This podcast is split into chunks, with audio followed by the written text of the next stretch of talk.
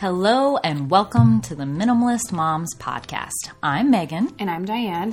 And we are suburban moms trying to make room in our lives for what matters by getting rid of the clutter and living life with purpose. We hope you'll join us on the journey to think more and do with less. Today, we will be talking about the top five clutter zones in a family's home according to science. Researchers from UCLA did a study of how families live, what they keep in their homes, and how they use the different spaces.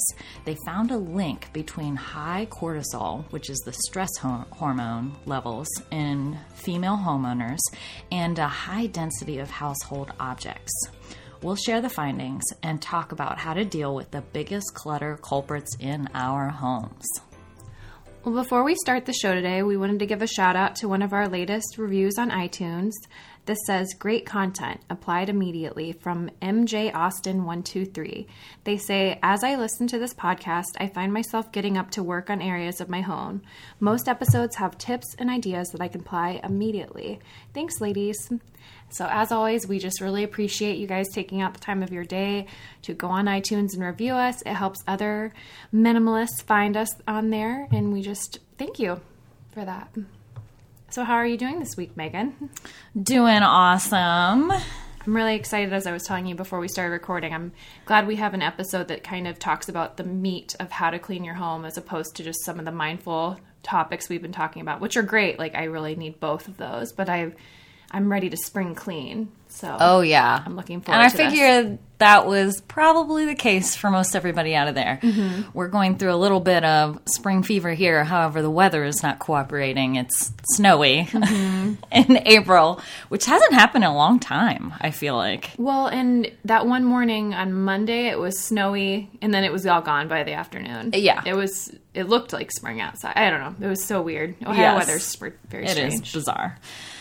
So, do you have our minimalist resource of the week, Diane? I do. So I, you know, I'm a big reader, and I have found another minimalist book. The book is called The Joy of Doing Nothing A Real Life Guide to Stepping Back, Slowing Down, and Creating a Simpler, Joy Filled Life by Rachel Jonat. I would say for me, it was very enjoyable, and there were things that I did take away that I hadn't yet heard. But some of it was repetitive because we're kind of in this world where we're constantly reviewing books and taking in this type of information. But I would think it was a great resource for someone just starting out with minimalism or just trying to simplify their lives. So I highly recommend it. It's a cute little book. It was a quick read. I want to say it was like 160 pages, so I got through it in pretty much a hmm. day So, kind of a good beginner yeah, level. yeah, and I I guess my question in finishing it, she talks about the joy of doing nothing, which that can look different because I was like, is nothing just sitting on my couch, literally doing nothing, or she recommends like on a busy Sunday.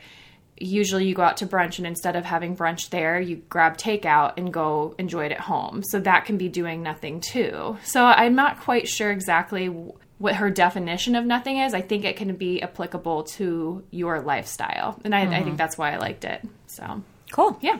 What about you? What is your minimalist moment of the week for us? Okay, well, this comes to us via the checkout line at the grocery store. Okay. Have switched my grocery shopping day from during the week to Saturday just because I've, I'm working more and I can't take the time out during the the weekday anymore. So it's a little busier on Saturday morning. I can and imagine. yeah. Yeah. And I find myself waiting in line a little longer. Mm-hmm. And so I was looking up and down the magazine racks and picked a few up and flipped through them and was thinking, well, this is awesome that I get to pretty much read the major articles out of one full magazine as I'm waiting. So I don't have to subscribe to these magazines or buy them and take them home. Mm-hmm. I can get a, pretty much all I really want to get out of a magazine mm-hmm. from picking it up in the checkout line. So that was a little and it was also helped me to just like slow down and actually like pick a line with a mm-hmm. longer wait mm-hmm. so that I have a little more time to enjoy my magazine. Mm-hmm. So you could it's number one an attitude thing because you're slowing down and enjoying the moment you're in, but also uh, a fun little space saver in your house. You don't have to recycle it or figure out what to do with it. Now, if you're one of those people like my sister who literally read every word of mm. magazines, like she goes through and devours them from front to back, this is not the tip for you. But if you're like me and you just like flip through them and mm-hmm. read a few things that you like, then I think it's a good tip. That's just so that's funny that you say that because in The Joy of Doing Nothing, the book I just recommended, she talks about how a grocery store line can be a good time to meditate. You're quiet mm. and you can just like so we're so quick to jump on our phones and fill all the moment or all the all the extra space that we have. So I think that's why I said like what is doing nothing for, because for you that moment was enjoyed through taking the time to just enjoy your alone time and reading a magazine like mm-hmm. even just in line. So but for me, I feel like I'm constantly listening to podcasts or grabbing my phone to get on Instagram. So I'm like, maybe I should put my phone away. I don't know. I just really, it's so funny how we're all so different and what simplification or being a minimalist looks like to each of our True, lives. very So, true. Yeah. And I used to listen to podcasts while I was grocery shopping, Mm-hmm. but I found myself not focusing as well and I'd forget things on my Yeah. Mm-hmm. list or not cross them off. And it ended up that I would have to go back to the grocery store, which is kind of was not Yeah, the point. not the point. So uh, I found that I do it more quickly and am more accurate if I don't listen to podcasts, if I single task Mm-hmm. and shop throughout. But then I guess also that's what helped me to notice, like, oh, I could pick up a magazine and read it while I'm waiting here in line. yeah, I totally, I love that. So let's dig into our five most anxiety inducing family clutter zones. Now, this episode, I feel like, is brought to you by a study out of UCLA. They created a book called Life at Home in the 21st Century based upon this study. And anyone can get it at the library or you can order it on Amazon. It's not necessarily, I wouldn't recommend that everybody get it because it's pretty dry reading, but there's, because it's a research study, but there's lots of photos and I find nerdy stuff like that interesting. So I read it from cover to cover. But essentially, it's two archaeologists, a linguistic anthropologist, and a photographer that set out on this project to record life at home from 2001 to 2005 for 32 middle class families in the greater Los Angeles area. And so this is not a recent study. Um, it is now decade, decade and a half mm-hmm. old, mm-hmm. but it still holds up, I think, true with maybe a few more electronics added in there mm-hmm. now, but it still holds up to what we currently have in our homes. And 32 families may not sound like a lot, but from their explanation, statistically speaking, it, it, they had a great representation of different socioeconomic levels, different types of families, different ethnicities. And a study like this has never been done before that's this extensive. So, this is the best tool that we have currently to understand how we are living in our homes and what we are bringing into them. They collected data tons and tons of data. We're talking like millions of pieces of data from 20,000 digital photos. They had floor plans of all the houses, hours and hours, thousands of hours of family interactions on video. And they had what they call scan sampling, which is they recorded the location and activity of each family member every 10 minutes in the house. Now, I would not have wanted to be the research assistant Yeah. on this project. That would not have been my favorite thing. But I'm very thankful for what they did because it's just fascinating uh, what they came out with. So, the overarching lesson learned here is that clutter has a profound effect on our mood and self esteem. The study found a link between high cortisol levels, which is our stress hormone, in female homeowners and a high density of household objects. So, the more stuff in the house, the more stress the women felt. Now, men's a little different story. it said that the fathers weren't as affected. Are, we, are you telling me that's why I yelled at Marty on Saturday night when I came home? the might house be the was a case. mess. this might be the case. So men do not aren't as influenced by the clutter as women, but they, you know, measured their levels as they were talking to them and interviewing them and going throughout the house and also record interviews with them. So they really noted the words and the word choice that these women were using as they walked through the house. So they they know for a fact how stressful it was both physically and emotionally for these mm-hmm. women. So we thought there were so many things that we could focus on in this study. It's just huge, but we thought we would pick just the top five areas that the researchers said were most problematic for families. So number one, I feel like we need a drum roll. number one are, and this may be a little surprising, refrigerator doors. Hmm. What is on your fridge? What is on your fridge, Dan? What is on my fridge? Yeah, on your refrigerator doors. Nothing? Yeah. I'm pretty big stickler about it as well. Yeah. Like we have oh, it's not a whiteboard, but a erasable thing that we have on our front panel where we can write what's missing in the fridge and that's it. Yeah, I um got Charlotte some animal magnets when she was maybe 18 months. Whenever she was really like learning to stand and want to stay with I don't know, 18 months we'll say.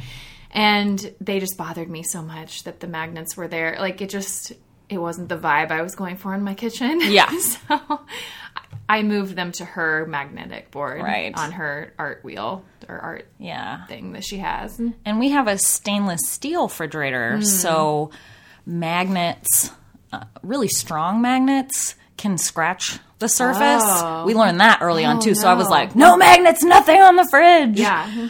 But anyhow, so what they've researchers found the typical refrigerator front panel is host to a mean, meaning the middle number, of 52 objects. Wow. 52 things. That's a lot. Um, which consume up to 90% of the surface space of the refrigerator. So basically, it's covered. You can't see the fridge. As a sample of LA households expanded during our several years of fieldwork, we noticed an interesting pattern. A family's tolerance for a crowded, artifact laden refrigerator, which is. I thought it was so funny. They tur- they since they're archaeologists, they were literally calling them artifacts. That's cute. Artifact laden refrigerator surface often corresponds to the densities of possessions in the main rooms of the house. This iconic place in the American home, the refrigerator panel, may function as a measuring stick for how intensively families are participating in consumer purchasing and how many household goods they retain over their lifetimes. So essentially, the more cluttered your refrigerator, most likely the more cluttered your house is. Hmm. That, I I, could. I could believe that. Isn't that amazing? Yeah. Like, wow. So our tips for clearing the clutter, since they're the study is research focused, they're just telling you the outcomes. They're not telling you how to fix it. They're just saying this is what is, and it's our job to interpret it. So we have a few tips for you guys for each of these areas. Number one, I feel like this one's obvious. Uh, clear off your fridge. you know, just take everything off and see how you feel. Now, if there are things that um, you use every day, or maybe there's calendars that you've p- posted on there, or mm-hmm. you have flyers from thing, things you don't want to forget, maybe create a family command center in a different location that has all those things in one place. Well, we've talked about taking photos of those items as well for your Yes. phone, your photo roll in your phone. If there's a flyer that you want to remember, that's another option as opposed to having it the piece of tangible paper taking Yes. up space in your house. Because those things are important, you Yeah. need them, but maybe the refrigerator door is not the best place to have them. Mm-hmm. So, our second zone is the kitchen sink. Now, the whole kitchen is a whole nother deal and there was lots of really interesting information in there about how we meal plan and how we tend to stockpile foods and all of that. But this was, we could not go into all of it in this podcast. We'll just talk about the kitchen sink. Diane, do you struggle with keeping dishes So cleared? that's one of my biggest pet peeves. So even if the house is tidy and I come home and there are dishes in the sink at the end of the day on my few nights a week that I work, that is just one of my biggest irritants. And so I think mm. it's because our house is so small. And so if it if there are these dishes that pile up really quickly in our tiny kitchen, I mean, I want to say our kitchen's maybe like 10 by 10 feet. Like it's mm. really tiny it's going to be noticeable. It's going to be an eyesore. And it just, I'm in there a ton prepping food or cooking. It just, I don't like it. It stresses me out. So, yeah, I mean, I try to, when I'm home, combat any dishes in the sink. I will clean them up as I'm cooking. But we also have like one of the drying racks that I think bothers Marty. He would rather you just wash it and put it away. So, yeah, other than the drying rack and the one side of the sink, I'd say it's pretty tidy. What about you? Yeah, yeah. For the most part, I would say it tends to pile up during the day, and then after mm-hmm. dinner is when things are all cleared off and put away. We definitely have everything cleared and washed and maybe drying in the sink. Like we have a double bowled sink, so mm-hmm. one side is for the clean dishes. Um, but we don't struggle with that too much, I would say. Mm-hmm. I think it's a personality thing. I mean, even mm-hmm. when I'm trying to sit down for my quote unquote break during the day, if there are dishes in the sink, I can't relax because I'm like, something else needs done. And that maybe that's something I need to come to terms with and say, like, give yourself the five or seven minutes extra onto your break as opposed to doing those dishes. But I just listen to podcasts while I'm doing it. So it's kind of a break in There you go. Yeah. Well, this is what the researchers had to say. Okay. Women associate a tidy home with a happy and successful family. The more dishes that pile up in the sink, the more anxious women feel. Household chores. Now, this is kind of a little bit of a change of topic, but household chores constitute fewer than 3% of all children's activities at home. So, it basically falls usually upon the women, sometimes the men, to do those dishes. Empty sinks are rare in the households that they studied, as are spotless and immac- immaculately organized kitchens. Mm-hmm. All of this, of course, is a source of anxiety. Images of the tidy home are intricately linked to notions of middle class success as well as family happiness, and unwashed dishes in and around the sink are not congruent with these images. So basically, we feel worse. We feel like we are failures mm-hmm. as mothers, as homemakers, if our sinks aren't tidy. So I you hit upon it, I think. It's two things, issues in one. Number one is do you have a system mm-hmm. or do you feel that necessity to keep it clean? And number two, is it the emotional significance of having dirty dishes? Do you feel less than mm. if they're in there? So I think as far as our tips for clearing this clutter is number one, give yourself some grace. I do think that your worth is not based upon the height of your dirty dish pile mm-hmm. in the sink. So let's, I know it's hard because I do the same thing. If we can try to disconnect that and just say, you know, we'll get to it when we get to it, or if you only have those precious moments during nap time, mm-hmm. I totally agree if you wouldn't want to spend them washing the dishes. And I often, because I work during the day and I work at home, I will at lunch feel that need to like, oh, I got to clean this up or I've got to unload the dishwasher. And I've had to really just tell myself, it's okay. Like, it will get taken care of after dinner. Mm-hmm. You don't have to worry about the dirty dishes of sinks while you're. I think that would be helpful. Working. If we had a dishwasher, it might be You don't have a No, I have a dishwasher? dishwasher. Oh, I didn't Yeah, know so that. I'm oh like my OCD goodness. about like let's clean them, let's clean them, Gotcha. let's, like let's do it as we're going. But yeah. yeah, a dishwasher would be nice because I could just put them away and think about it later. Right. So, mm-hmm. Yeah, they're not in your face. That and that's yeah, Yeah. when I say doing the dishes, I usually mean put them Oh, in yeah, the dishwasher. okay. Mm-hmm. okay. So, um, yes, give yourself some grace. Secondly, have a system for dishes that everyone can participate in. As they said, like only 3% of kids, or I should say 3% of the activities at home are kids doing chores. Hmm. I think age appropriately. Mm-hmm. That is a great chore for kids because it's usually something that any skill level can handle. Mm-hmm. My kids, my oldest is 10, and even down to my youngest, who is five, they all help unloading the dishwasher. Mm-hmm. So that that is typically in the morning when before school if we've run it overnight they will unload the dishwasher in the morning and they really love it it's because they think they feel like they're contributing to the household. So we haven't gotten to the point where sometimes my daughter will do the dishes meaning if there's pots and pans or whatever but you know they're not always it's hard for her to scrub it down. Yeah. right. And so you know age appropriately but i definitely think that's something you can add to their plates. Haha didn't mean to there's a little nice pun little fun there. Yeah.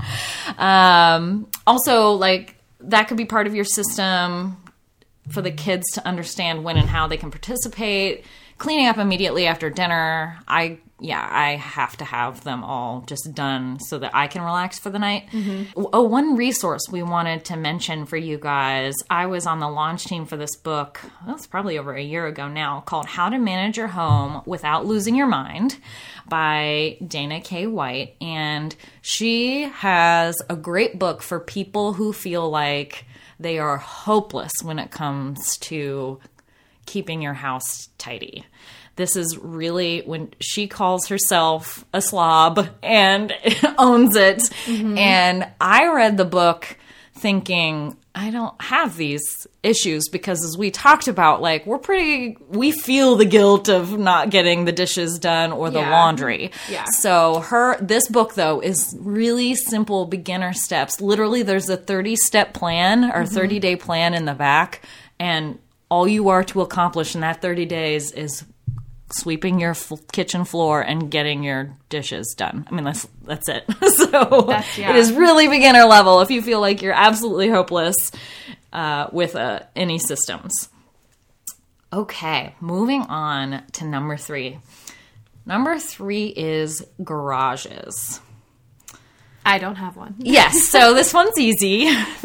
Her big tip is don't have a garage. Don't have a garage. Which is true. Yeah. Because if you don't have the extra space, you're not going to fill it. Yeah. So, totally legitimate tip right Yeah. there. Um, we do have a garage. We have a three car garage. Mm-hmm. And one of the bays is has our riding mower in it Mm. and um, but we are the worst examples of doing this minimally because like I said, I have said before, we've been renovating our basement, and so I haven't parked in my garage for hmm. six months because we have it's a staging area. It, we've got tools and wood and all this stuff set up in there, and we kind of use it as a makeshift workshop when we're working on something. So we're not great examples for that, but looking through the photos in the book and i feel like i sent one of you one of them to you when i was reading that it really gave me anxiety because it was a photo of kids like climbing over a garage just picture opening up the garage door and not being able to see all the way like floor to ceiling stuff Mm-hmm. It's shoved like in this garage Little, um,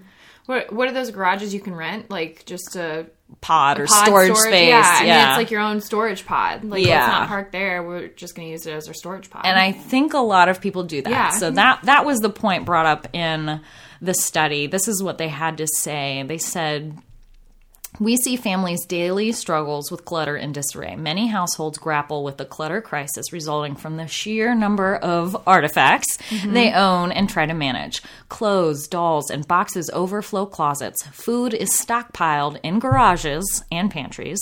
Toys and media gadgets are everywhere. One family in the study used a shower stall for the dirty laundry. Like they had an extra stall, so we just used it for dirty laundry. When something new is purchased, and this is where we get into trouble. When something new is purchased, such as trendy clothing or upgraded electronics, the homeowner hesitates to get rid of the perfectly good product that it was that was replaced. Mm-hmm. The result is typically clutter amassing in they call them backstage, quote unquote, backstage storage areas, such as mm. garages, closets, and attics, eventually extending to front stage living spaces, such as, you know, the living room and the kitchen and things like mm-hmm. that. Three fourths of the families in our study used their garages exclusively for storage and have permanently banished their cars to adjoining driveways and streets. This, it just makes me sad to hear that. Yeah. That we are not using entire spaces in our homes. It is just filled with stuff that we don't need because we've replaced it. But mm-hmm. for some reason, we hesitate to give up those older items because they're still quote unquote good. You know, they're still usable. So we're like, mm-hmm. well, I can't get rid of it. It's still usable. It's still good. So I'll keep it. And then it gets pushed aside and pushed aside until, as I said, you know, your garage is full, your closet's full, your attics Yeah. are full. So I Or feel you're like gonna this think is, like, wonder if the new one breaks and I just need my old one, like Yeah. to replace until I get a newer new one. Like mm-hmm. I don't know. kind of the fear factor. Yeah, like I'm just mm-hmm. gonna keep this one just in case. Yeah. Yeah. Yeah. A backup. So, as I said, we are not great examples for this one, but I would say try to keep only quote unquote garage things in the mm-hmm. garage, meaning it's for your cars, your bikes, your tools, your sports equipment, maybe things that are outdoor use only. We have our garbage cans and all the recycling mm-hmm. bins and that kind of thing in the garage. So try to create zones for those items that are specified or containers that are only for those things and have a place for everything and everything in its place as usual. Another tip is to get rid of that extra fridge or freezer if possible. I do not have one for that exact reason because I know I would just have the impulse to fill it. Mm-hmm. And we've been totally fine with just our fridge and freezer combo in the kitchen. We've never had an extra one. So anytime somebody's asked, is giving one away or we have an opportunity to purchase one, I just refuse because I don't want to. We even talked about with renovating our basement whether or not we wanted to put uh, extra fridge or do a bar area or whatever Oh, yeah. down there. And I'm like, no, no, Yeah. because I don't want to manage it. And then you have to also Well, pay for use the, the food, though. Well, electricity yeah, that's true. Mm-hmm. and all of that. Yes, I and feel then like I'd forget about the food. Like sometimes I feel mm-hmm. like I don't even get to my freezer stuff as it is. yeah, exactly. Yeah, I don't know. Yeah, so try to get rid of that extra fridge or freezer if that's what you're keeping, or and don't use the garage as overflow pantry space mm-hmm. if possible. Um, and just make it a rule that you have to be able to park in your garage. And like my childhood, my parents when they were gone during the day, like it, this was when we were old enough to stay home.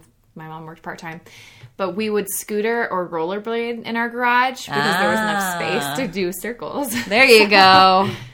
That's true. Kids like my I mean, kids it was too cold to go for out. Yeah, space. it was Yeah. too cold to go outside. So That's true. There we go. But that could be dangerous too if you're like you fall into the lawnmower, you fall into like oh, yeah, it depends on what's yeah, in your garage. or something. Yeah, depends on what's in there. Very true. I give you a warning with that. Yes. That's very true. My kids do that all Yeah. the time. Let's think about that. Yeah, there you go. Use it as playground space. Yeah. There's a tip. Moving on to number four.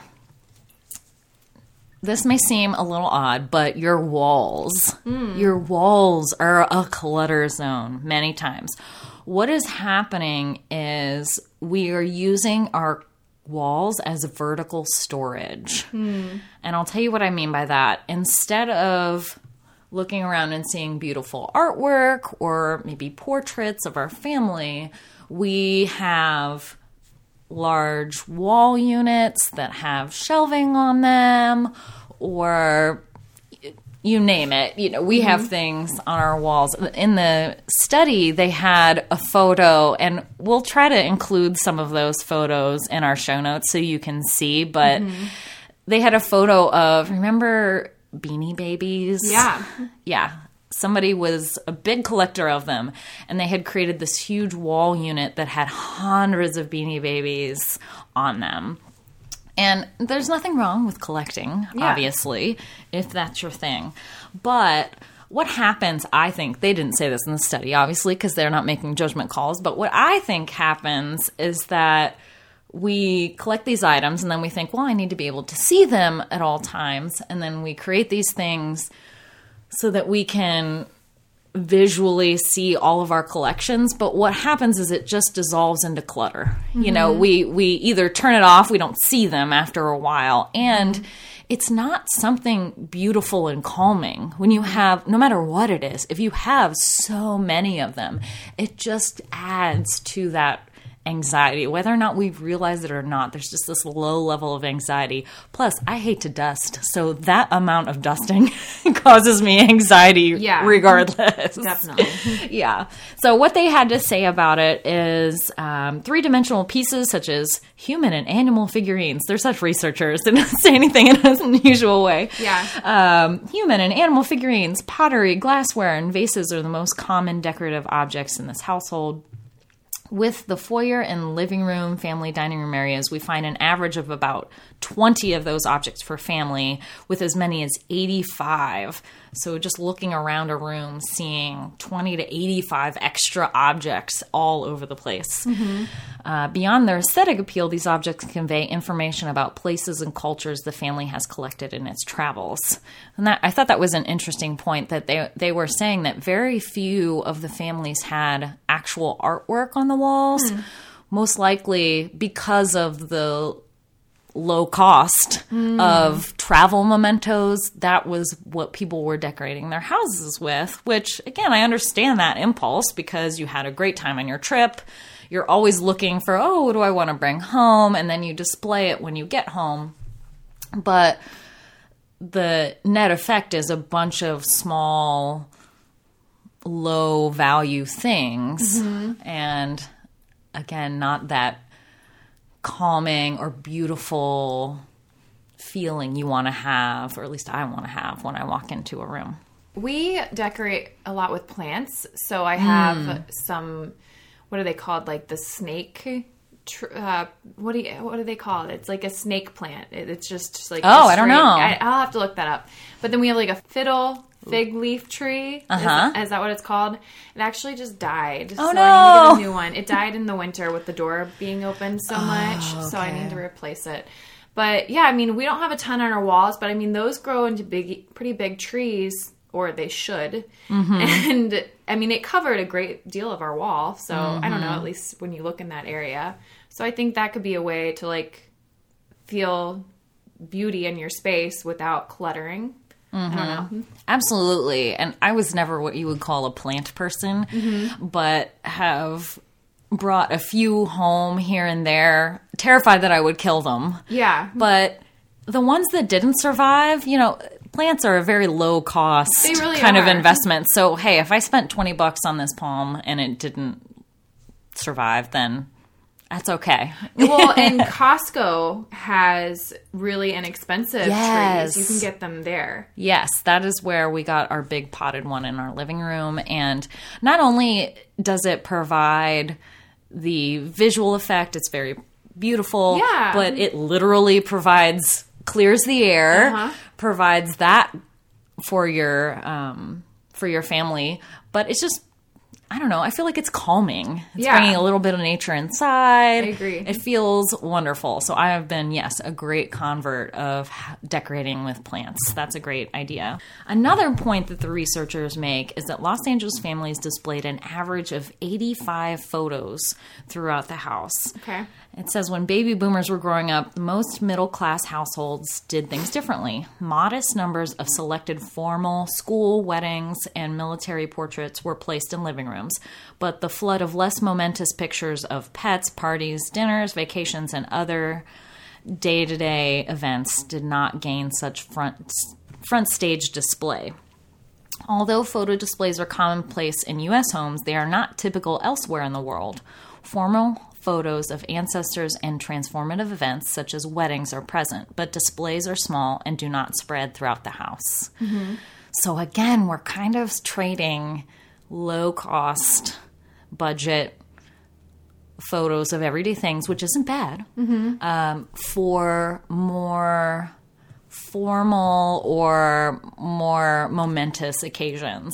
So instead of having a large canvas of our family representative of what we look like currently. We have a ton of little photos all over the place. Mm-hmm. Uh, I do you have a ton of photos I was in your gonna say house? I don't because I get sick of them. Hmm. I'm like, I need to change that out. I need to change that out. So I have Mm-hmm. two picture frames in our house. One is downstairs and one is upstairs. And I actually have been thinking about getting rid of them. Hmm. And I'm a photographer, so don't stop. getting don't stop getting those family photos. Well, no, and I think that's the point that the researchers are making more that well, they're not telling us what to do. But Yeah. I feel like that's the point in pointing out that, you know, around the world actually this is more how it's done is that you and get those family photos. So mm-hmm. hire a photographer, go out and get a portrait taken of your family and just the I feel like the happiness factor and that alone every time you look at that and it's a beautiful photo of your family versus a bunch of little ones which sure will remind you of things and will be great, but doesn't have that impact of that really lovely large photo. That's typically how we have a few large portraits throughout our house. We don't mm-hmm. have a lot of little ones. There's lots of ways, though, not to say that you shouldn't remember and have a bunch of smaller photos, but maybe they shouldn't be all over the house or taking up a bunch of real estate. One way that we have really enjoyed our smaller photos and have revisited them is this year for Christmas, we got a it's through Social Print Studio. They have a 365 day tear off calendar oh yeah, that you can put customize and put your own photos in. So uh, it takes a, a little bit of time to create it because you have to curate 365 photos.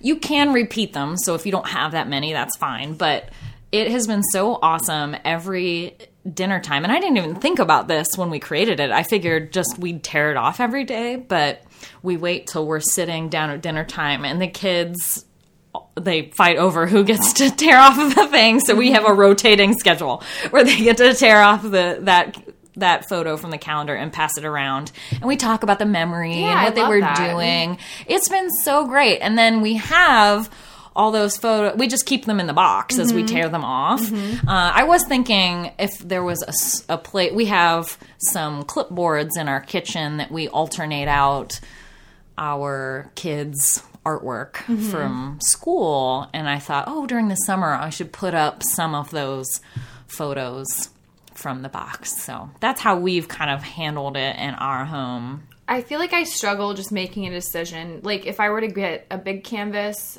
having our pictures taken or something by a professional, I wouldn't know which one to choose. And then I mm-hmm. I feel I want to actually have a podcast on this when like minimalism becomes like debilitating.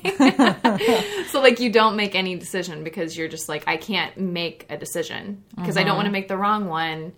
I like really overthink things this much. it does it does i i understand what you're saying Yeah. it, it makes it a little more pressure laden i've done that before i've st- stood in a dressing room and Mm-hmm. been like but is this the shirt that i want to wear for six months you know Yeah, yeah. i have done that too i totally understand what you're saying yeah we should we should uh, think about that and, I and will do that for another podcast. I will lead the debilitating podcast episode. and You can give me therapy as we're doing it. I don't know if I would help. We might have to find an outside need- person to help us with give that. us therapy.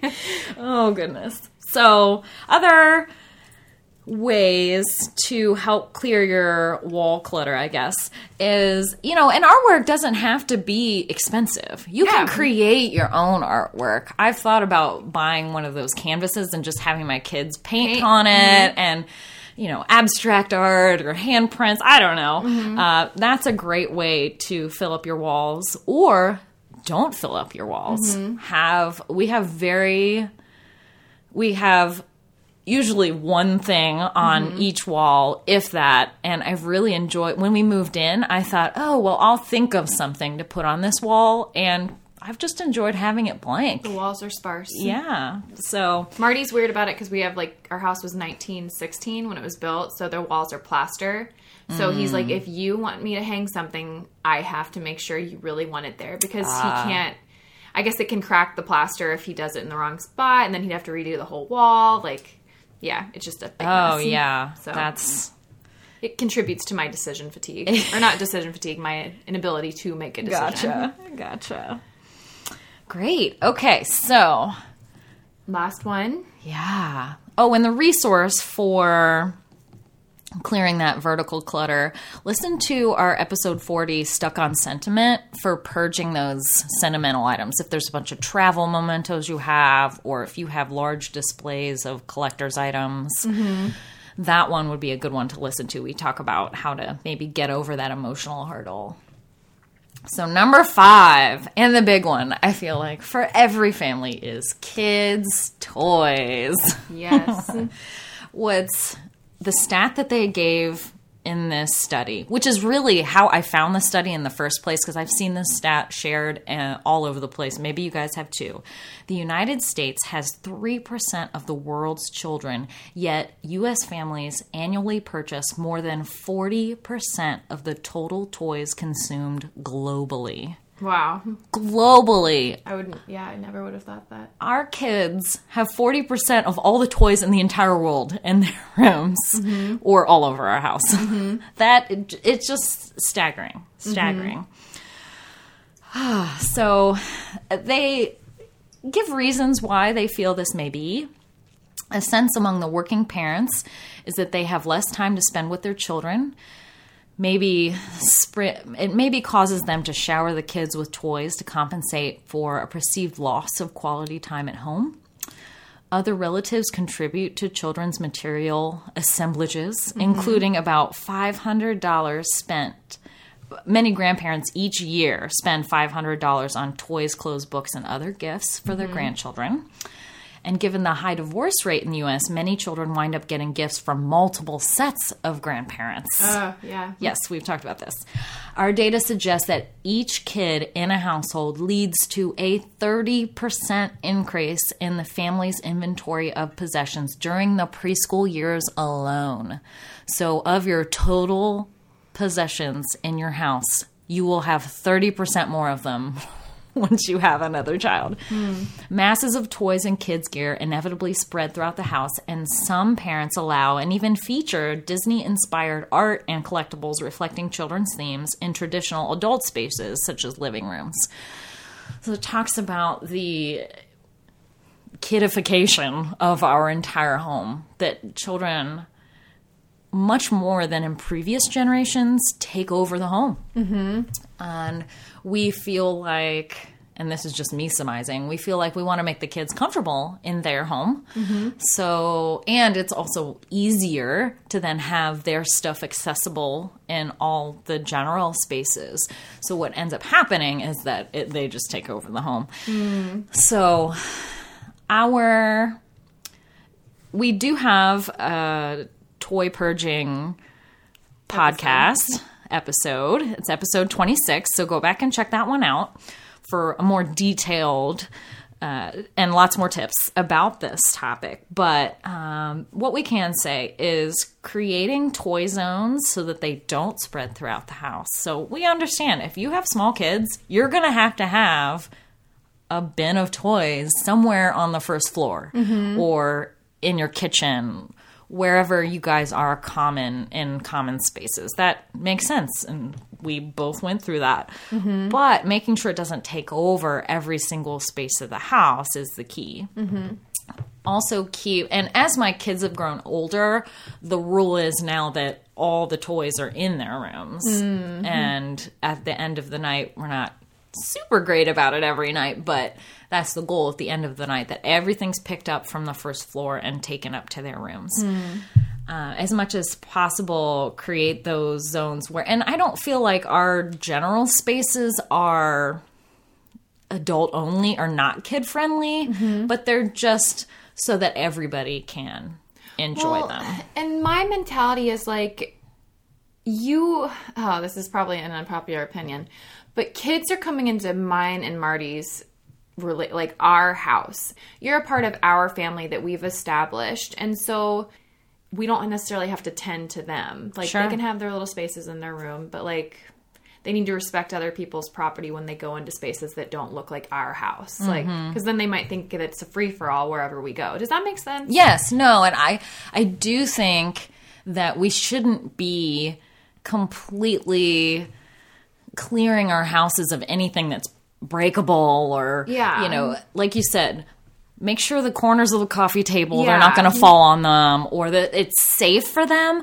But i feel like as early as possible for example they've used real knives and forks mm-hmm. and and plates and glasses for as long as it was developmentally appropriate for them to do those things.